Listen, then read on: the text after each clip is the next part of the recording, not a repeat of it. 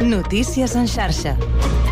Bona tarda, són les 4. Us parla Marc Ventura. Els 22 ministres del nou executiu de Pedro Sánchez han pres possessió prometent els seus càrrecs davant el rei. Hi ha nou cares noves, entre elles la dels dos ministres catalans en aquesta legislatura, Ernest Urtasun, que agafa el relleu, el relleu de Miquel Iceta, i Jordi Areu, únic representant del PSC al govern. De fet, l'exalcalde de Barcelona serà el nou ministre d'Indústria. Vaya mañana de trajín, ¿eh?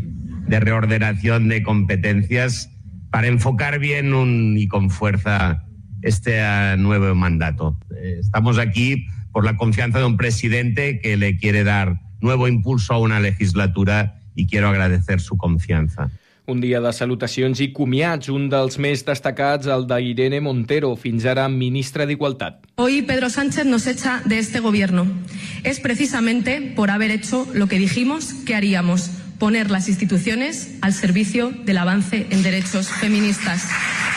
També han marxat l'exalcaldessa de Gavà, Raquel Sánchez i Miquel Iceta, que ha cedit la cartera de Cultura a un altre català i portaveu de Sumar, Ernest Urtasun, que de fet hem conegut fa pocs minuts que tindrà Jordi Martí Grau com a secretari d'Estat de Cultura. Per cert, acabem de saber que el regidor del govern del PSC, Lluís Rebell, deixa temporalment l'Ajuntament de Barcelona per raons de salut. Rebell és regidor de Pla de Barris, Educació, Persones Grans i el districte d'Horta-Guinardó. Tot plegat en un dia on la mesa del Congrés ha validat la tramitació de la llei d'amnistia. La mesa ha adoptat la decisió després de rebre aquest dilluns un informe dels lletrats on no veuen defectes formals que impossibilitin la tramitació de la iniciativa i que apunta que, a diferència de la proposició dels grups independentistes del 2021, aquesta no es pot considerar a priori inconstitucional perquè no és un indult general. També aquest dimarts el Tribunal Superior de Justícia de Catalunya ha fixat pel 10 d'abril, l'inici del judici al president del grup parlamentari d'Esquerra, Josep Maria Jové, el president del Port de Barcelona, Lluís Salvador, i la consellera de Cultura, Natàlia Garriga, acusats de delictes de desobediència, prevaricació i malversació per l'1 d'octubre. Restablert el servei de telèfon 112, 012 i 061, que estaven afectats més de, per més de dues hores per una incidència. El govern obrirà un expedient informatiu a l'empresa responsable per indagar sobre les causes i més notícies. El 42% d'infants de Barcelona d'infants de Barcelona d'entre 10 i 11 anys no tenen límits a casa per fer servir l'ús del telèfon mòbil. Són dades recollides per l'Institut Infància i Adolescència de Barcelona. Notícies en xarxa. 4 i 3 minuts. Comença el Connectats.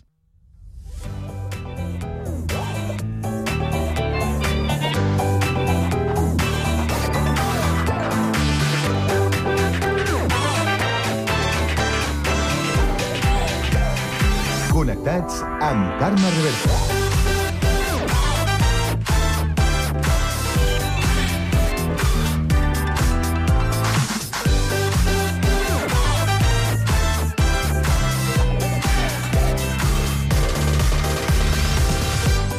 Molt bona tarda, salutacions i benvinguts al magazín de tarda de la xarxa al Connectats de l'àrea metropolitana de Barcelona, aquest programa que fem en Ràdio Sant Cugat, Ràdio Sabadell, la Ràdio Municipal de Terrassa, el Prat, Ràdio, Ràdio Ciutat de Badalona i Ràdio Castellà. Una salutació de tot l'equip conduït a la part tècnica per Pablo Palenzuela i de qui us parla, Carme Reverte. Avui és dimarts 21 de novembre i volem saber quin temps ens espera aquesta tarda. Lluís Mi Pérez. Ha començat el dimarts amb força pluja, sobretot a les comarques de Girona. Més de 40 litres per metre quadrat a cavall de les Gavarres i del massís de Cadiretes. Tota aquesta pluja a hores d'ara és història i el cel està més aviat destapat a gran part del país. Només al nord de Lleida, bàsicament a la Vall d'Aran, l'Alta Ribagorça, la banda més alta del Pallars, Sobirà i cap a la Vall Fosca, aquests núvols són més abundants i, de fet, hi van deixant neu cota que està entre 1.200 i 1.400 metres. Compte també amb el vent, que s'ha de reforçar l'Empordà, als cims del Pirineu i també a gran part de les comarques de Tarragona. I amb una temperatura agradable, però amb sensació de fresca si estem a l'ombra, deguda a aquest vent. En vista demà, aquest vent fins i tot encara serà més general, bufarà tramuntana, a comarques on normalment no hi bufa, com les de Barcelona, bufarà molt fort aquest vent a l'Empordà, Comte, i també als cims del Pirineu. Demà encara amb alguna nevadeta a la banda nord de Lleida i a la resta del país un ambient molt transparent, amb més suavitat que avui. Us seguirem a la xarxa. Molt bé, doncs avui al Connectat sabrem com van els preparatius per al gran recapte. Entrevistarem Josep Maria Comas, delegat del Banc dels Aliments del Baix Llobregat. Acabarem la primera hora amb la tertúlia generalista per analitzar la xacra dels abusos sexuals a menors. Ahir va ser el Dia Mundial dels Drets dels Infants i també parlarem de la denúncia per explotació laboral a les obres del Camp Nou. A partir de les 5 coneixerem el col·lectiu Alma Violeta del Prat de Llobregat. Continuarem amb l'espai dedicat a la llengua, avui protagonitzat pels alumnes del curs de Suficiència 1 del Servei Local de Català de Sant Cugat. Acabarem amb cultura per fer la visita guiada a l'exposició del modista badaloní Joan Antoni Fàbrega. Tot això i més des d'ara i fins a les 6 de la tarda a la vostra emissora local. Connectats? Comencem.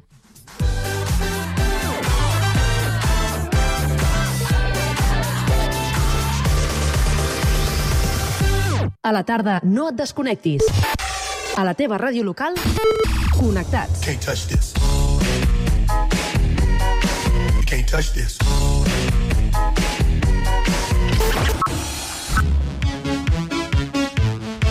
Can't touch this. Can't touch this. Connectats amb Carme Rebell.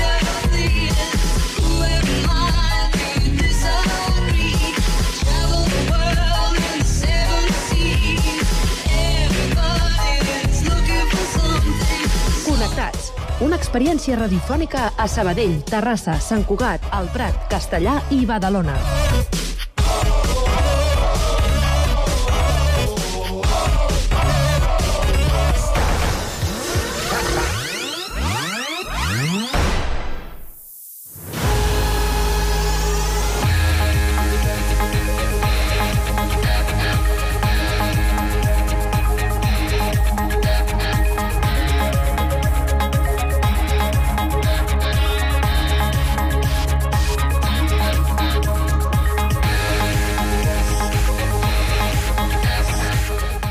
4 i 7 de la tarda ens actualitzem i ho fem en la ronda informativa que obrim un dia més per Terrassa. Sergi Estapé, bona tarda. Bona tarda. El Nectec Bus iniciarà un llarg recorregut els propers mesos que durà per diversos racons de Catalunya. Es tracta d'un projecte del Museu Nacional de la Ciència i la Tècnica de Catalunya, situat a Terrassa, per fer-lo arribar més enllà del seu àmbit geogràfic proper amb la mateixa filosofia que els bibliobusos. Conté propostes didàctiques i interactives sobre canvis al paisatge, patrimoni industrial, canvi de costums, habitatge i treball, activitats humanes, cultura científica, transició ecològica i l'evolució d'un ofici. Alegria Activity ha estat l'empresa encarregada d'elaborar els continguts interactius disponibles en català, castellà, aranès i anglès i d'encabir-los a l'autobús. El Nactec Bus pot adaptar a la particularitat de cada territori els continguts dels interactius, així com les activitats paral·leles a oferir. Això és possible gràcies a la connexió directa entre el bus i el museu. Aquesta iniciativa itinerant està en consonància amb la idiosincràsia del museu, l'únic descentralitzat del país, amb seu a Terrassa i amb 26 centres museístics repartits per tot Catalunya. Gràcies, Sergi. Seguim el repàs ara per la cocapital a Sabadell. Avui que és notícia. Pau Duran, bona tarda. Bona tarda. L'Hospital de Sabadell detecta cada cop més casos de maltractament en dones joves. Des de serveis com urgències, ginecologia i traumatologia constaten que el perfil d'afectades per agressions sexuals i físiques s'està rejuvenint.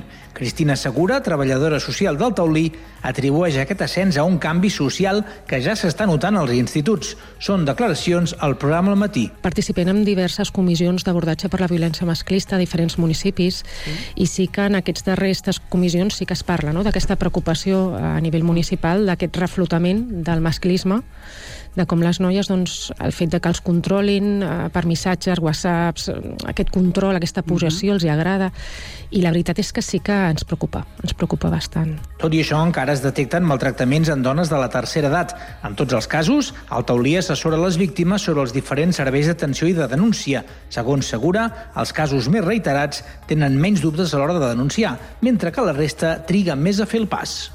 Gràcies, Pau. Ara anem fins al litoral, a Badalona. Avui que és notícia. Andrea Romera, bona tarda. Bona tarda, Carme. El ple extraordinari d'aquest dilluns ha aprovat l'avantprojecte per modificar l'ordenança de civisme a Badalona, que endurirà les sancions per abocaments il·legals i venda d'alcohol a la nit. Ho ha fet amb els vots a favor de l'executiu popular, d'Esquerra Republicana i del PSC. Els grups de l'oposició han coincidit a defensar la necessitat de castigar els comportaments incívics, tot i que han dillat de propaganda la mesura d'incrementar l'import de les multes. Critiquen que l'Ajuntament no té la capacitat de tramitar totes les sancions i afegeixen que també també cal dur a terme una campanya de sensibilització a la ciutadania. Escoltem el president del grup municipal del PSC, Fernando Carrera, i el d'Esquerra Republicana, Àlex Montornès. Però això no serveix absolutament de res si no hi ha una campanya de conscienciació molt potent, i això passa per una comunicació que sigui efectivament molt potent i que després tingui conseqüències. Perquè un dels problemes quan es fan promeses sistemàtiques o quan es fan anuncis sistemàtics que no s'acaben complint, el que succeeix és que la gent ens pren no? com el pito del sereno. No tenim la força per fer un seguiment de, de tot l'incivisme que hi ha a la ciutat i, per tant, arribem a un punt que no es pot arribar a sancionar i hi ha una sensació d'impunitat que és el que acaba fent doncs, que la gent no, pugui llançar els mobles, pugui llançar les escombraries. Per tant, la meva pregunta és quina diferència hi ha entre posar una sanció de 600 euros i una de 3.000? Sí, estem al mateix cas. Durant el ple també s'ha aprovat amb els vots en contra del PSC, Esquerra Republicana i Badalona en Comú Podem la delegació a la Diputació de Barcelona de la gestió i recaptació d'algunes taxes municipals. Gràcies, Andrea. I ara seguim pel Prat de Llobregat. Ainhoa Quilez, bona tarda. Bona tarda. Unes 130 famílies es beneficiaran de l'energia procedent de les plaques fotovoltaiques que s'estan acabant d'instal·lar a la taulada de la parròquia Sant Pere i Sant Pau. En concret, generaran uns 70 quilowatts que serviran per l'autoconsum de l'Església i es cedirà a la comunitat local d'energia, de la qual en forma part juntament amb la de la Mercè. Les plaques de la parròquia se sumaran a la vintena que ja hi ha instal·lades a diferents equipaments municipals i que permetran generar uns 1.225 quilowatts d'energia. Ara, l'Ajuntament també vol captar empreses, especialment aquelles que es dediquen al sector logístic perquè tenen àmplies cobertes com aquesta i un consum molt baix d'energia. Així ho destaca l'alcalde del Prat, Lluís Mijoler Martínez. Empreses que sobretot eh, treballen de dilluns a divendres, per, per tant dissabte i diumenge estan produint energia, eh, aquelles plaques fotovoltaiques, i en canvi s'està desaprofitant, no? o venent a la, a la xarxa, però no s'està aprofitant d'una forma comunitària. No? I el, per tant l'objectiu és anar també a les empreses, als polígons, per fer la inversió de forma conjunta no? que se'n beneficiï l'empresa eh, de dilluns a divendres, eh, però que després pugui anar també cap a la comunitat local d'energia. Des d'Energia Prat s'espera poder començar a oferir l'electricitat que es produeixi a principis de l'any vinent. La comunitat local ja compta amb unes 400 persones que es van inscriure per formar-ne part i es preveu que properament siguin informades per acabar de concretar els passos a seguir per rebre aquesta energia autogenerada i de quilòmetre zero. Gràcies, Ainhoa. I de retorn al Vallès, ara ens quedem a Castellà. Guillem Plans, bona tarda. Bona tarda. Castellà es prepara pel 15è gran recapte del Banc d'Aliments. Com ja és habitual en els darrers anys, a banda dels voluntaris de Càritas, s'han ofert per ajudar amb el recapte els alumnes del Col·legi El Casal i els de l'Institut Puig de la Creu, a banda d'alguns castellarencs que han volgut donar un cop de mà en aquesta causa. A Castellà els voluntaris se situaran davant de quatre supermercats de la vila. Gràcies, Guillem. Ja acabarem amb la crònica de Sant Cugat avui per destacar que els santcugatencs Emma Vilarassau i Jordi Bosch han estat eh, dos dels grans eh, guardonats als Premis Butaca de Teatre. Vilarassau ha obtingut l'estatueta la millor actriu i Bosch el millor actor pel seu paper a l'obra Tots eren fills meus, que ha estat escollit millor muntatge teatral. No han estat els únics premis de la creació. Quim Ávila ha estat reconegut com a millor actor de repartiment i Alejandro Andújar s'ha endut eh, el Butaca destacar la millor escenografia. L'altre gran guanyador de la nit ha estat eh, l'Alegria, l'Alegria que passa, el musical de, de Goll de Gom, que també s'ha endut cinc premis. El muntatge s'ha endut les distincions a millor musical, millor actriu de musical per Àngels eh, Gunyalons, millor actor de musical per Eloi Gómez, també premiat per Golfos de Roma, millor espai sonor per a Jordi Vallvé i millor composició musical per Andreu Gallent. El pavelló d'esports de Premià de Mar ha estat l'escenari de la gran nit del teatre català català. En el moment de recollir el guardó, la santcuatenca Emma Vilarassau ha destacat el fons del text que ha dedicat a totes les mares. I és una obra que parla de la tragèdia silenciosa que viuen moltes i moltes mares a totes les guerres. Les d'ara, les mares de Palestina, les mares d'Ucraïna, i abans les mares del Líban, d'Afganistan, de Vietnam, de tantes i tantes guerres no es fa ressò de la tragèdia que viuen. Aquesta obra la fa i estaria bé recordar-les. El també santcuatenc Jordi Bosch ha aprofitat el Parlament per dedicar el guardó a la seva companya Emma Vilarassau, a qui ha agredit eh, la seva tossuderia i insistència per portar Tots eren fills meus als escenaris catalans.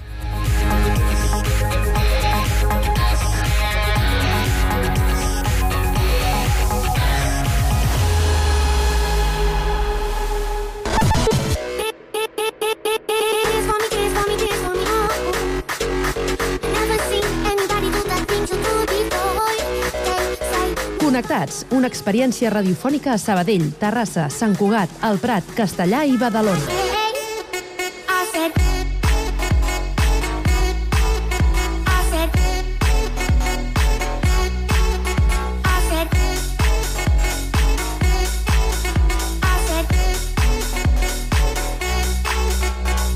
Connectats amb Carme Reverte.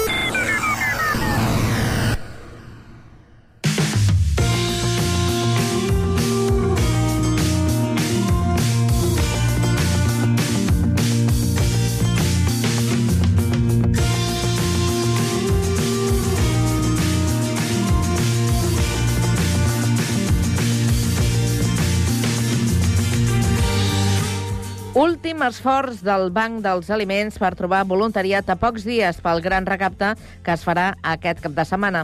En la campanya de l'any passat, unes eh, 16.000 persones hi van participar com a voluntàries i es van recaptar 6,2 milions d'euros i es van repartir unes 29 tones i mitges de menjar. Marxem fins al Prat de Llobregat, on tenim ja punt Lluís Rodríguez Alonso. Bona tarda. Bona tarda. En parlant tot plegat amb Josep Maria Comas, i és el delegat del Banc dels Aliments del Baix Llobregat. Què tal? Bona tarda, com estàs? Sí, hola, bona tarda. Bé, gràcies. L'entitat estima que només a la demarcació de Barcelona calen un total de 14.000 persones. Ara mateix com estem?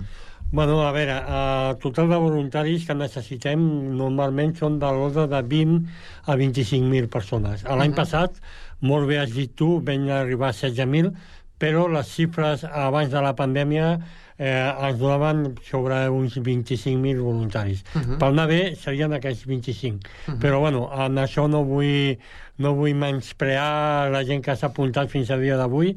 Eh, realment eh, són dos dies molt intensos sí. i com més voluntaris siguem, pues, me, més eh, bé sortiran totes les coses. Aquí a Casa del Prat, per exemple, quantes persones us, us calen encara? Aquí al Prat ens falten encara uns 160 voluntaris. Vale. Estem, hem complert a data d'avui un 20 i pico per cent, un 25 per cent. Uh -huh. Sí, en, en números, en percentatge.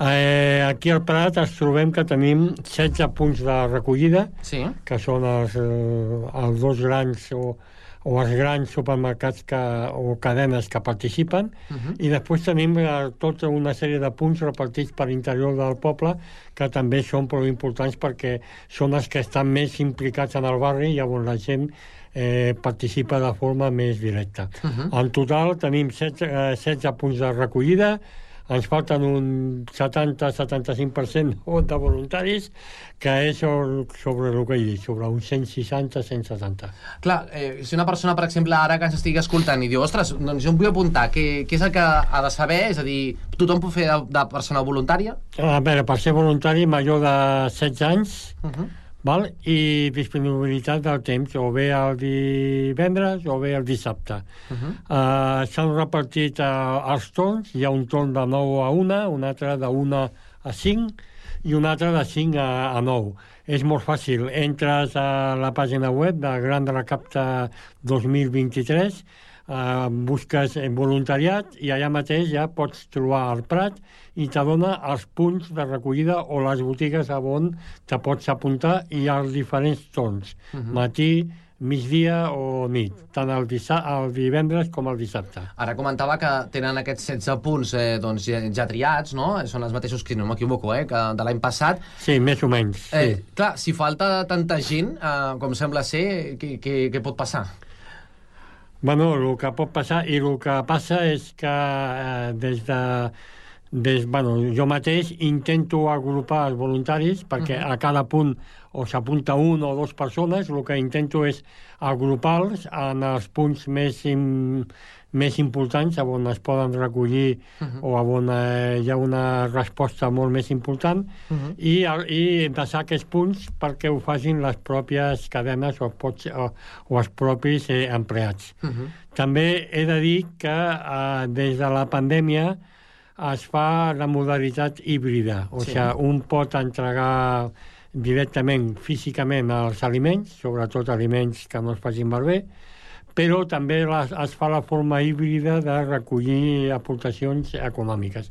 Uh, aportacions econòmiques les fan totes les cadenes que tenim aquí, Uh -huh. eh, aportacions físiques, només hi ha cadenes que no volen fer aquesta, aquesta donació física, sí. però, vull dir, donació econòmiques absolutament totes. Habitual... Ja, sí. Perdona, no. Eh, és molt fàcil també a la caixera, sí. hi ha uns petits vales de 3, 5, 10, 15, 20, mm. o la quantitat que tu vulguis.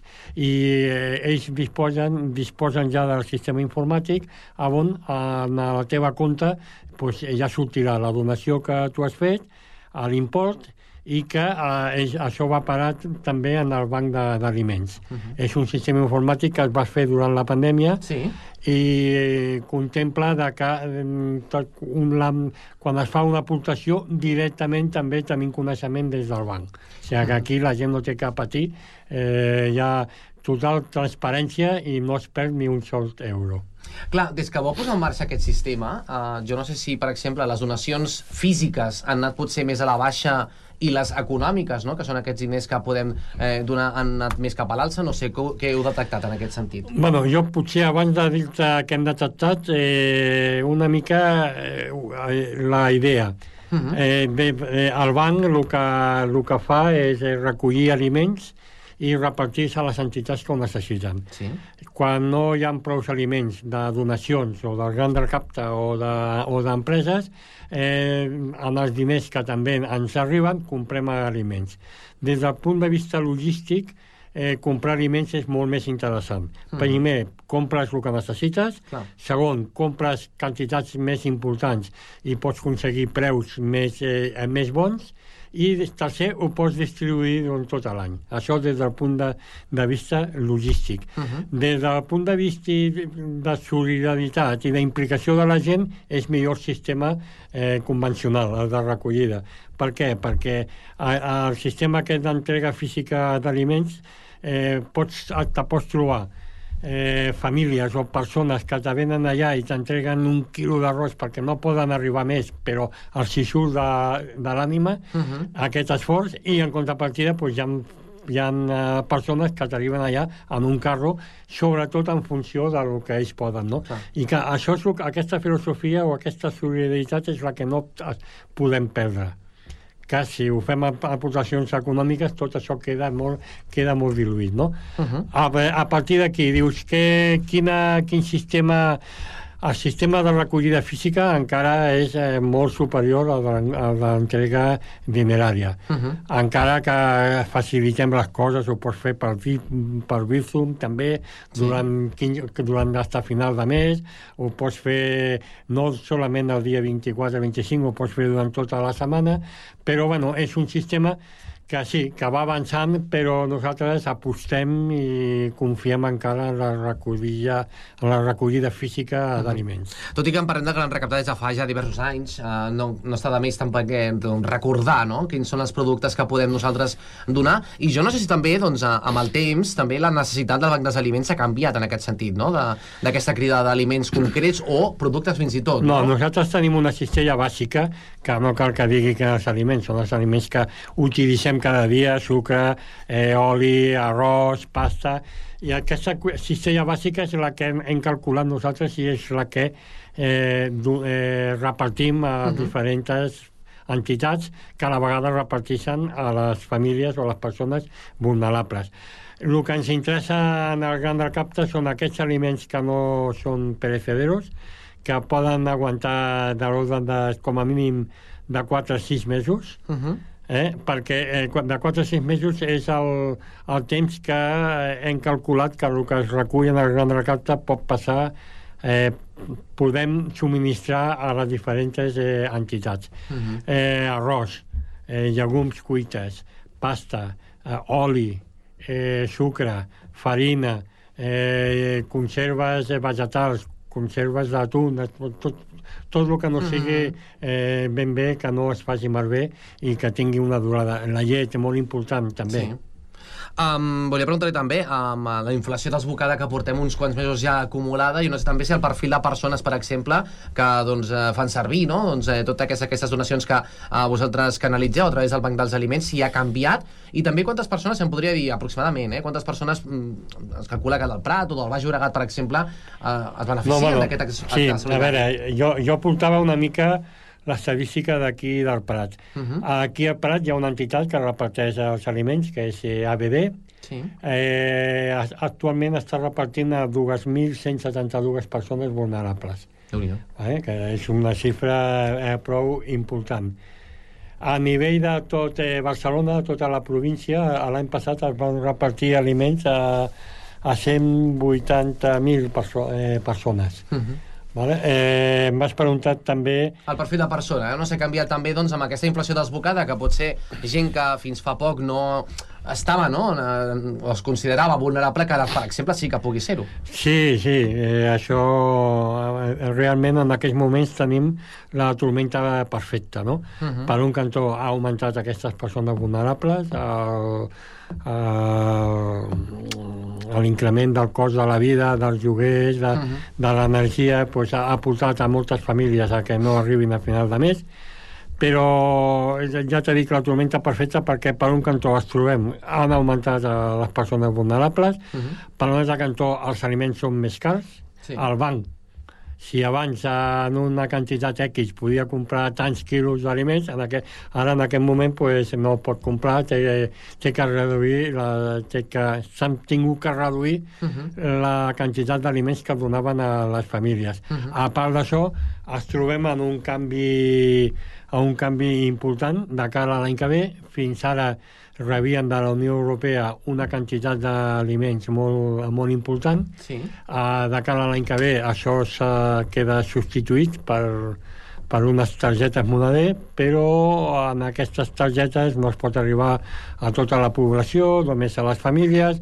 Vull dir, es trobem en un de cara a gener, bueno, sí, sobretot de cara a començament d'any, es trobem en, en una sèrie de d'inputs que són, de moment eh, porten moltes incògnites. Mhm. Per un cantó, augment de famílies que necessiten aliments, per l'altre cantó, augment dels preus, es poden comprar menys aliments en, en, en els diners que es disposaven, i en tercer lloc eh, perdem una part important de, de, de quilos d'aliments que venien de la Unió Europea que han, bueno, que han canviat el sistema i passa a un altre sistema que avui per avui eh, encara té moltes incògnites. Uh -huh. En tot cas, el nostre càlcul és que aquest nou sistema de la Unió Europea donarà només eh, un, eh, cobrirà sobre un 20-25% de les famílies que avui, de la gent vulnerable que avui tenim en el, eh, com a beneficiaris que sí. reben eh, aliments, no? Uh -huh. Per fer-nos una idea, gran recapte de, de tot el conjunt, per exemple, no? de, de recollida que feu al llarg de l'any, evidentment, eh, què és el que suposa? Quin percentatge suposa? Doncs, Sí, podríem parlar d'un 40, pa- un 30%. Uh -huh. Tenint en compte que el banc d'aliments, eh, ja t'he dit al començament, recollim aliments eh, excedents, sobretot de, del Ministeri d'Agricultura. Aquí en el Prat tenim el tema dels espirogador, Espigoladors, espirogadors sí. vull dir, molt important perquè són excedents que si no es farien malbé. Després tenim donacions d'empreses i de particulars i després tenim els fons eh, europeus que jo t'estava parlant Sí. que eh, dirigien també una quantitat superimportant. El gran recapte, com t'he dit, pot suposar un 30%. Un 30%. Sí. Aquesta xifra també suposo que amb l'augment dels preus per poder comprar també aliments, per poder després omplir el banc dels aliments, també suposo que ha baixat, evidentment. Sí, sí, clar. En, en aquest cas eh, tenim que buscar un, unes altres fonts que són prou difícils de trobar, no? Sobretot el que estem fent ara des del banc és eh, treballar sobre el malbaratament dels aliments, Sí. o sigui, eh, o sigui eh, veure a on podem recuperar eh, aliments, en el plat eh, ho tenim bastant clar, però també a nivell de restaurants, de menjadors, eh, realment es tira molt de, molt, eh, molt de menjar, uh -huh. sobretot també supermercats i botigues, aliments que està, a l'embalatge està una mica tocat, el treuen ja de la prestatgeria. Uh -huh. Tot això és, estem fent un treball enorme per poder recuperar això, perquè això sí que són aliments eh, que ens interessen. Perquè, uh -huh. Primer per, perquè el cos és realment... Mirien a les escombraries i d'aquesta forma Clar. es podem recuperar i moltes vegades són aliments frescos que també eh, intenten eh, cobrir la part de, que d'aliments que hem parlat abans, que De la cistella, sí. de, sí, de la cistella, en aliments frescos. No? I aquí sí que estem fent un treball enorme. Mm. Però el més important de tot, de tot això també és la, la no, no la implicació, el canvi de filosofia de, de, que tenim que transmetre a les persones. No es podem permetre el luxe de malbaratar Mhm. aliments. Des dels crios petits quan estan al plat i diuen ja no en vull més i ho deixen al plat, fins als grans quan anem al restaurant i es foten un plat allà i al final tenim que dir no me'l puc acabar. Tenim que canviar aquest, aquest, uh Mhm. aquest xip perquè eh, realment eh, és, un, és, és, és un camp per explotar que té, molt, que té molta, moltes possibilitats i que no deixa de ser també pues, una contribució que podem fer no? en el moment actual. Sí, sí. Doncs eh, apunteu les dates, 24 i 25 eh, d'aquest mes de novembre, aquest cap de setmana, aquest gran recapte que torna per ajudar a les persones, sobretot amb aquesta crida que fèiem a l'inici, eh, de persones voluntàries, encara manquen un 75% aproximadament aquí al Prat de Llobregat, per tant, doncs, eh, podeu entrar a la pàgina web, eh, Gran Recapte 2023, i allà trobareu tota la informació al respecte. Hem parlat amb eh, Josep Maria Comas, el delegat del Banc dels Aliments aquí al Baix Llobregat. Gràcies per acompanyar-nos avui novament i molt bona tarda. Molt bé, ha sigut un plaer i a la vostra disposició. Esperem que el Gran Recapte ens ajudi a omplir el rebost del banc i de les famílies que realment eh, ho necessiten. Esperem, Gràcies. esperem. Gràcies. Molt bé. Vale, pues...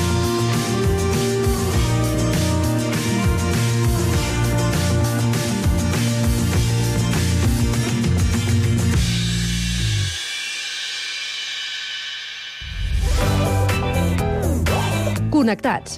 Una experiència radiofònica a Sabadell. Ràdio Sabadell, 94.6. Terrassa. Ràdio Municipal de Terrassa, 95.2. Sant Cugat. Ràdio Sant Cugat, 91.5. El Prat. El Prat Ràdio, 91.6. Castellà. Ràdio Castellà, 90.1. I Badalona. Ràdio Ciutat de Badalona, 94.4. Cada tarda de 4 a 6, connectats.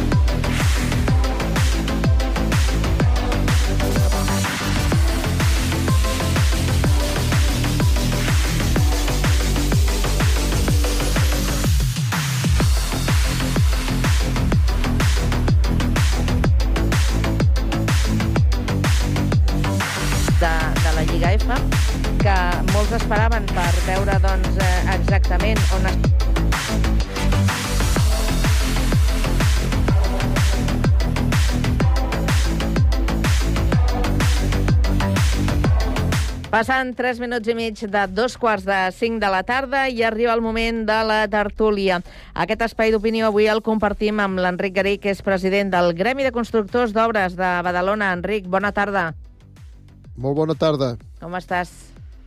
Molt bé, i vosaltres? També aquí, mira, compartint aquesta estona amb la Montse Moral, la farmacèutica i rotària que tenim avui a l'estudi de Sant Cugat. Què tal, Montse? Bona tarda. Molt bona tarda, ja estic molt bé. Estàs molt bé, també, no? Sí, acompanyada amb tu, sempre. Mira que bé, gràcies. Anem a Sabadell, perquè ja ens espera l'Ester Amiel, que és artista i activista. Ester, bona tarda. Hola, hola, bona tarda. També bé? Tot bé? Tot perfecte. Sí? Sí, si hem d'entrar en detalls, no, però si ho diem així, frase sola, sí, molt Home, bé. tot clar. Molt bé. Perfecte. Doncs eh, anem, a, anem a abordar un parell de temes de- d'actualitat. Ahir, no sé si recordeu que va ser el Dia Mundial dels eh, Drets dels Infants i que les informacions doncs, eh, van aprofitar per eh, destacar temes com el que avui tractarem, el que fa referència a les eh, víctimes d'abusos eh, sexuals eh, de, de, dels menors, d'infants, d'adolescents, que no perquè, doncs, eh, per moltes vegades que es diguin, no ens acostumem a, a veure doncs, eh, totes aquestes eh, xifres que, que es garrifen i que apunten en aquesta ocasió a, a una xifra que, que es deia que es garrifa, però és que de veritat és, eh, si, si ho pensem fredament, és que és terrible. Un 90% dels menors víctimes d'abusos sexuals no ho explica fins que és adult. Aquesta és una, una, una realitat eh, que, que la veritat eh, ha de ser realment molt dur, però mm, jo quan llegia aquest titular, i això us ho trasllado a vosaltres, ja sabem, eh? ja s'ha dit eh, per activa, per passiva, que els agressors acostumen a ser doncs, eh, persones de l'entorn més proper, des de parents a persones pròximes en la nostra eh, quotidianitat eh, això el que provoca és que eh, hi hagi mm, dificultats serioses perquè aquesta víctima, que recordem és un menor, doncs eh, mostri senyals d'algun tipus. Però jo la meva pregunta és, realment els adults que estem eh, al, al, al voltant d'aquesta canalla no ens n'adonem, o sigui, ja no parlo de, de l'agressor, sinó de la resta d'adults que, que, que envoltem a, a aquesta criatura, no som capaços de, de detectar cap mena de, de senyal? Aquesta és la meva pregunta que jo també em faig. Em sembla com impossible, perquè jo no he patit un entorn d'aquesta mena, i, i és que intento imaginar-me, i segur que hi ha moments que detectes alguna cosa, o sospites, hi ha percepcions. Sobretot una mare ha de veure quan un, una criatura actua de manera... Diferent. Diferent. No, ja m'hi costa, això és el que em costa. Entenc que la criatura s'ho calli perquè depèn econòmicament i emocionalment d'uns adults. I si, si ho dius, si ho marxes, dius, on vaig a parar? Entenc que l'instint de supervivència acceptis les agressions com a mal menor fins que tens 18 anys i marxo. Això ho, ho puc entendre per part de, de, el callar. El que no entenc és que com ningú se'n dona compte. O poder hi ha algú que se'n dona compte, un germà o alguna prop, però poder, per no fer malbé l'estatus familiar, calla per les mateixes raons de les dependències econòmiques, com li passa a moltes dones que no se separen perquè i estan mm. maltractades. És que, és que si no, com, com s'explica això? Bueno, no sé. No, no, és que per això ens ho preguntem, perquè a veure, no, no sé companys, si hi ha una explicació. Què dieu, va, què dieu? Bueno, jo entenc que uh, potser sí que hi ha dones, dic dones perquè és el que has dit tu, eh, mares, que mm, el, el fet de veure-ho i acceptar-ho i reconèixer-ho seria tan dolorós seria tan fort, i pel que dius, no?, de trencar, a més a més, una estructura familiar que eh, es neguen a, a, ni tan sols a preguntar, tot i que puguin tenir sospites. I, de fet, hi ha eh, infants que ara ja no ho són i que ho han denunciat, i que, i que quan ho han denunciat se'ls ha posat tota la família en contra, els pares i mares inclosos, si l'agressió venia doncs, per part d'un avi o per part d'un cosí. O, vull dir, han hagut de lluitar dintre de la pròpia família perquè se la creiessin i perquè, perquè allò que expliqués eh, sigui, eh, fos veritat en el, en el nucli familiar. Llavors, clar, és que, és que ha de ser molt fort, molt dolorós, anar a preguntar-li a la teva filla sabent que la resposta serà sí, estic patint això. Si intentes dir, no, si no ho sé, no està passant. És que és, és, bueno, és una tragèdia. Però és que, és que a més, eh, també hi ha la, la sensació, eh, i a més és dur, eh, que no existeixi un, eh, un, un espai de confiança, precisament, amb les persones que se suposen que, que et poden protegir no? d'aquestes situacions, deixant el, a, a banda i al marge l'abusador o la persona abusadora. Eh, que, que no, que no Ja, es pugui fer dir, ús. És abusador, eh? Persona abusadora, o sigui, abusadores, meh, perdona que et digui, eh, però meh, demà que eh, el, di, el dia 25, el dissabte crec que és, no? És dissabte. Mm. Uh, és el dia de les violències masclistes i, i o sigui, eh, gairebé totes aquestes abusos a infants venen per part d'homes. Cap a nens i cap a nenes, però la- l'agressor és un home. També sé de dones ab- abusadores, eh, jo. No, no, no, no, no tinc el tant per cent, però també hi ha hagut dones que abusen, eh, de, no, de nens. Molt mínim. Clar, sí, sí, sí, però parlem d'abusadors. I en tot cas, jo posaria el, el focus en la defensa del menor. Hem de protegir el menor i hem d'assegurar entorns segurs. Jo no, no m'hi he trobat, però jo tinc molt clar, eh? Jo primer és la criatura. Eh, se me'n fot a l'avi i l'estructura familiar, però jo no, no, no deixaria malmetre la, la vida d'una d'una criatura. Hem de protegir l'infant. Enric. Mm, perdoneu, però jo quan hi he vist aquests números eh, se m'han posat la pell de gallina. Eh, un 80% d'aquests abusos es produeixen a dintre a l'entorn familiar i un 65% dins de la família. Només es denuncien un 15%. Jo, a mi, la pell, no, o sigui, sí. no em toca la pell a, a la roba. No. Jo, quan sento això, se'm posen els pèls de punta perquè penso, és, és que això és un disbarat immens. I és, és molt sovint, és molt sovint per lo que es veu. Aleshores, és clar, jo penso, com es podria arreglar això? Penso que falta una cosa que és molt important a dintre les famílies, que és que no es parla prou a dintre les famílies. Abans es menjava, es dinava, es sopava, s'esmorzava, junts, i aleshores s'explicaven coses, moltes coses sense cap transcendència, però coses amb alguna transcendència i coses importants. I tu, mentre anaves menjant, anaves sentint coses i pensaves, ep, això pot ser veritat, això d'on t'ho ha tret? Mm, per on ho has sentit, això? Clar, ara, com que tothom té tanta feina, tothom està tan preocupat d'altres coses, tothom tenim mòbils a la mà, a l'hora de, l'hora de sopar, per exemple, que poso que és una hora que podríem trobar-se molta gent de la família entorn d'una taula, menjant, però fins i tot parlant. Parlant perquè és molt important parlar. O sigui, deixar les màquines tancades, teles, mòbils, tablets, tot això tancat i parlar, que és una cosa que normalment en aquest moment no es fa mengem perquè nece- necessitem menjar, moltes vegades amb 3 i 4 torns, i a partir d'aquí doncs, ja doncs, vas passant, m'entens? I tira, tira. I si passen coses d'aquestes, doncs, és més difícil de, de, de trobar-ho si no ho diuen obertament, o tu no te'n dones compte de que l'actitud d'aquella nena ha sigut diferent o d'aquell nen ha sigut diferent. M'entens? I aleshores, doncs, quan te'n dones compte, doncs, potser ja, ja el disbarat ja està fet i està molt fet, o sigui, és molt disbarat.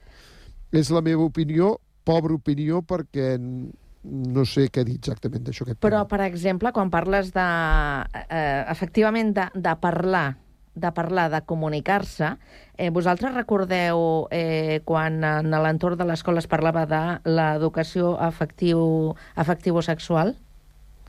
Que Jo no. Venia, venia, no, no, ho dic ara, eh? Ara recentment. Ara recentment es, pa- es, aprendre- es parlava, es Però- parlava d'introduir introduir, eh, diríem, aquesta, aquesta matèria per ensenyar precisament als, als més eh, petits, doncs, eh, per exemple, i també això es podria fer a casa, de dir, eh, mm, si et toquen d'aquesta manera, eh, això no es pot fer, això no està bé, això no és correcte, perquè comencin a distingir, doncs, eh, per exemple, eh, mm, quina és la relació que poden establir els demés amb el, amb el, amb el cos de la pròpia criatura i el que pot establir ella mateixa, per, per començar a distingir què és el que està bé i què és el que no està bé. De fet, ara, recentment, amb el cas de, del, pato, del Piquito, eh? De Rubiales. De Rubiales, eh, hem pogut mm, com fer com un màster de lo que és de, de, que es, de lo que es pot, de lo que està bé i de lo que no està bé, no? Perquè, clar, aparentment, oi, mira, ha fet un piquito allà de l'alegria, no passa res, però després hem tirat del fil i, i són uns comportaments que hem interioritzat com normals i no. Hem d'educar molt amb el respecte. I això... Sí, però eh, està bé que treguis aquest tema, perquè tens raó, però uh, justament aquest cas el que va permetre és a, a tot un sector de la població sí. banalitzar uh, l'assetjament Sí. a, a, la- a les dones, que en aquest cas, però bueno, l'assetjament No, a una altra i- persona i- que no siguis tu, no? i aquí I vaig- va haver-hi tota una, una part de la ultradreta que va sortir en tromba defensant el que estava fent aquest senyor. Però aquí I això veig que cala, aquí vam també. aprendre, aquí vam aprendre que, no de, que hi ha coses que no s'han de permetre i poder això ens serviria ah. perquè moltes coses que passen entre casa, que són abús, ens semblen que són que en el fons és, és perquè te quiero i no, estàs abusant d'aquella persona. És que hem d'aprendre, poder hi ha coses que... que, Però és que les víctimes tampoc no acaben de distingir ben bé, Exacte. no? O si ho fan, ho fan, ho fan, ho fan tard. Clar. Perdoneu un, un Digues, incís. digues. Esteu parlant d'aquest petó a la boca, No. que és un petó no volgut i que, per tant, no s'havia de produir. Però jo em remeto a un quart d'hora abans, quan aquest personatge, home, es posa les mans als genitals i comença a tocar-se allà al mig els genitals. Això no és correcte. Aquest senyor s'havia de fotre fora immediatament del palco. Sí, sí, sí. M'enteneu? perquè si no sap estar sí, en un perquè lloc, que el treguin. d'algú, clar. Entesos? I aleshores què va d'algú que va passar? Que al final, pues, al final pues, va passar el que va passar. Però si tu t'hi fixes al començament, aquest home què fa? Per mi és un disbarat el que fan allà, m'entens? Sí, o sigui, clar. això no es pot fer. I com que no es pot fer, fora, automàticament. Entesos? I aleshores, hi ha una altra cosa que per mi és molt important. A l'escola s'ensenya. A, a casa s'educa. M'enteneu? O sigui, a la, de la, que tu has parlat de l'ensenyament afectiu sexual, no Sí. sé què, no sé quanto, sí, tot això em sembla molt bé que l'escola ho donin, però a, les, a casa, a casa s'ha de parlar d'aquests temes, m'entens? O sigui, no tot s'ha de deixar a mans de l'escola. No tot s'ha de deixar en mans de l'escola. A, les a les cases s'educa. I, per tant, hi han coses que, per exemple, això del petó aquest a la boca que li va fer aquest home a aquesta noia, aquesta jugadora, això és imperdonable. Però el que va fer abans és que ja t'ho amenaçava que, que aquest tio faria un disbarat. I al final ho va fer. M'entens? O sigui, mm, no es pot permetre, segons quines coses no es poden permetre, no es poden passar de la ratlla, i si es fa, fora, al carrer. Però clar, però amb un infant, no, ella, um, sigui, quan parlem de persones adultes sí que poden posar un filtre, no?, i poden denunciar-ho. Un infant, mm. quin criteri, quin filtre, quina visió ha de tenir de lo que està bé i el que no? És quan són ja majors d'edat, que, quan, que ho denuncien, entre altres coses, perquè acaben com uh, aterrant a la realitat i veient que allò que ha patit són abusos. És, molt, és que és, Sí. és, és No, no, que jo complicat. tinc totalment la raó amb el que tu dius, eh? Jo tinc totalment la raó amb el que tu dius, però s'hauria de mirar a veure qui ho fa, a veure quines actituds té abans de fer-ho, m'entens? A veure què, què, pot, què pot semblar. Penseu que en aquesta informació que ara estàvem tractant, eh, una de les qüestions impactants i que mm, m'imagino que tampoc no, no sorprenen perquè ja ho podem, ho podem eh, imaginar, que, que la gran majoria dels abusos queden en la memòria d'aquestes persones. D'aquí que quan eh, hi ha denúncies i, i, i s'haurien de jutjar aquests casos, per molts anys que passin, Uh, ja sabeu, no sé si sabeu que hi ha entitats uh, de, de víctimes d'abusos uh, sexuals que, que estan demanant doncs, que principalment els, els abusos de l'Església no, no prescriguin, no prescriguin perquè fa anys i panys que estan passant sí, sí. aquestes històries. Sí, sí. És que, a més a més, és ara- el que dius, no? Que és un delicte que prescriu, on dius, bueno, l'abusador, l'assetjador, el violador, continua estant al carrer. Si ho ha fet un cop, ho farà dos, tres, quatre. I, però com que la persona que ho havia de denunciar no ho denuncia pel que sigui, perquè això causa uns traumes molt profuns a nivell psicològic, eh, quan es veuen capaces de denunciar, ha prescrit el delicte. Bueno, però, eh, però l'abusador, el violador, continua estant al carrer, no prescriu aquest senyor. Eh, I, I el mal i el record que et deixa és eh, i, i, imborrable. No, no, els, trauma, els traumes hi són, i queden. I la gent, molta gent tira endavant com pot i mira, però, és- i el trauma hi és. I aquí est, eh, caldria veure ben bé quins són els, els, mm, els delictes aquests que es fan, aquests abusos concretament, perquè eh, abans he posat l'exemple del, pi, del piquillo, però no volia parlar del Rubiales, volia parlar... A veure, eh, que un dia a l'avi et faci un petonet a la boca és, és abús o no? Home, Ah, està fora del lloc. està fora de lloc. Pues això hauríem de saber-ho tots, pares i fills. Per part meva, va- vaja. Sí, sí, sí, no, no. Podríem de conèixer més bé, perquè pa- passen moltes coses, com que és de la família, la família a vegades et toca, no, no sé què, o te veig despullat, Sí, o mira, sí. et toques aquí, toques allà. I no, el respecte, poder, poder una persona no li importa que li facin, però poder una altra li molesta. Llavors s'ha de saber que l'important és respectar la gent. La, la gent. I que el nano ha dir, bueno, esto no, no estic còmode, pues, pues s'ha de protegir si no està còmode amb aquesta actuació d'algú. Mm. És que a vegades, mira, avui em parlaven de gent jove que entra en, en grups, en clubs o associacions, no? I clar, hi ha gent gran de 40 o 50 anys, així molt potents, i entra una noia jove, es pot quedar desllum... enlluernada, i, i clar, a vegades hi ha aquesta... No? Pot haver aquest sobre excés de protecció, captació, i cauen amb, amb, amb les redes d'aquesta gent encantadora, i a vegades pues, no és bo barrejar gent de molt edat amb gent molt jove, perquè encara és molt immadura. Pues imagina't amb, amb canalla, no? Uh -huh. Amb gent gran. Hem de protegir el petit de totes totes i les mares no han de callar, però moltes mares s'han callat. Ni les mares ni l'entorn, en general. Ningú, ni els tiets, ni els avis. Em permeteu. Sí, permeteu una pregunta? Vinga. Quan parleu de gent jove i de criatures, a quina edat tallem? Perquè, és clar, és que amb 16 anys... Menors, eh, estem parlant les de nenes- menors, menors, Enric. Avui aquí parlem Ah, sí, de sí, menors. 16 anys. 16 anys. Les nenes van a les discoteques i aleshores mm, jo que les veig a les 6 del matí, quarts de 7, que vaig a caminar, penso, buf, buf, buf, m'entens? Però per què? No sé com... No, de la manera que van vestides, per exemple. Bueno, però que poden anar com vulguin. Poden anar com vulguin, tens raó, però cuidado, cuidado, cuidado amb tot això. Per què? per Perquè què les eh, nenes el- han d'anar a l'assetjador el- a l'assetjador el tens a la cantonada. I els nois que van El se- ensenyant mig cul perquè van amb el pantaló mig baixat a, a, a Lo mateix. sota el cul. Ni, no, el Lo mateix. mateix. No. Ni, ningú no he sentit mai a ningú que digui és que aquest nen va provocant perquè va amb els pantalons per sota el cul. Mai, mai. Bueno, doncs, Sí. eh, vés a Montserrat i veuràs quants escolans han sigut violats i a les escoles dels maristes quants, No, quants nanos han sortit del- violats. No, no, no, a, a, a, ho sento, estàvem parlant de, de l'entorn discoteca, l'entorn sortir per la nit. No, no, evidentment... No, no, els- estem els parlant dels abusos estem- sexuals. Vale, vale, però com que Estem parlant dels abusadors. Quan a les 6 de la matinada, poden anar com vulguin, a les 6 de la matinada, com a les 3 de la tarda. No perquè vagin vestides d'una determinada manera mm, ha de passar res. Vull Però dir- passa. No ha de passar res, Ja, però passa. Però que les hem d'educar amb la por. No, no, no. no. així perquè... No, home, Això està claríssim. faltaria, només faltaria. No, educar amb la por no. Però està clar que a vegades, segons com... A veure, les persones...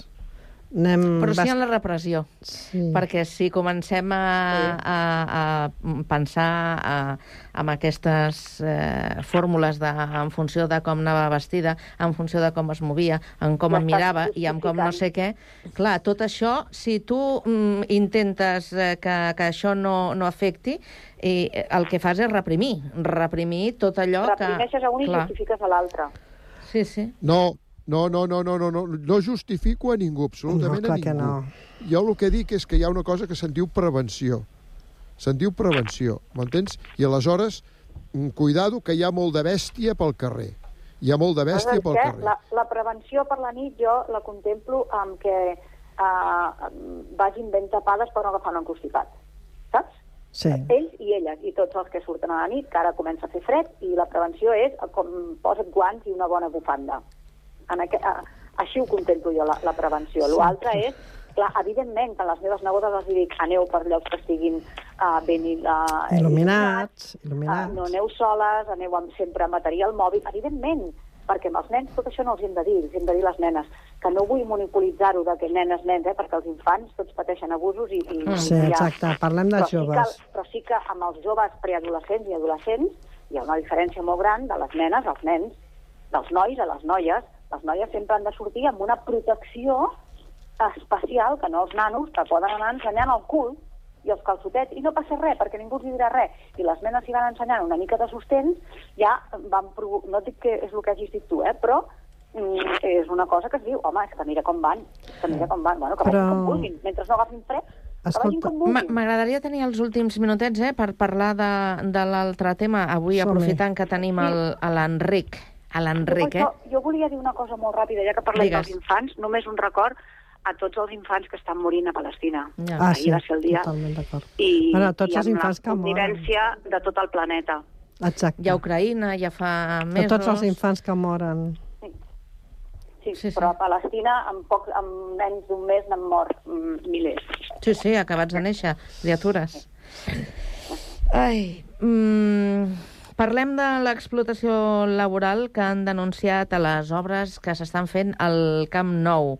Jornades setmanals de 55 hores, salari per sota del salari mínim, empreses subcontractades que estan, digui- diríem, en l'òrbita de la inspecció de, de treball, però que continuen doncs, eh, posant les seves condicions, ni paguen hores extres, ni, ni caps de, de setmana. Enric, vinga, un, Tra- un minutet. Treballadors que treballen amb unes condicions laborals de temperatures a l'estiu que nosaltres no ens deixen treballar perquè quan es passen de 24 graus a 25 graus s'ha de parar de treballar les obres i en aquí s'han arribat aquest estiu a 30-35 i han seguit treballant sense impunament m'entens? Mm. Aleshores, què passa? Eh, tu creus que ha de venir una empresa turca a fer els treballs del Camp Nou? Que és que no hi ha empreses catalanes per fer aquesta feina. Ja t'ho dic jo, igual, sí igual que n'hi ha empreses d'empreses catalanes, catalanes. també... El que passa que les empreses catalanes ens fan complir unes normes que aquestes turques se les estan passant totes per allà on els hi sembla. I, en, qua, i, en- una altra cosa també us vaig a dir. Només es poden haver-hi tres subcontractes amb, un, amb una obra. I en aquí hi han 10 subcontractes i no passa absolutament res. I seguimos pa'lante, seguimos pa'lante. Pues, bueno, pues estem passant el que estem passant Pues molt ho treballadors que, donen un nom que donen un nom que no són ells, m'entens? Però segueixen treballant i, bueno, i si se'n troba algun, diu, no, hem trobat un punt que, que ha suplantat la personalitat d'un altre. Diu, i? Bé, tira, tira, que l'obra s'ha de continuar. Doncs ja està. Però aquí no passa res, no, Enric? Aquí, aquí no passa res. Val. Doncs és, Pues ho una, és, denunciem. és, Aquí una, sí. és una llàstima, perquè, clar, són situacions que ni pels d'aquí, ni pels de fora, ni per ningú. Vull dir... exacte, exacte, Clar. i no perquè sigui una empresa turca fa això, vull dir, aquí tenim empreses que estan també apretant i escanyant al treballador Hmm. i els està baixant en unes condicions Ho, pèssimes. ho hem de deixar, ho hem de deixar aquí perquè ens queden segons, Vale. senyors i Vinga, va. senyores. Gràcies. Que vagi molt bé la tarda. Adéu-siau. bona tarda. Adéu-siau. Adéu.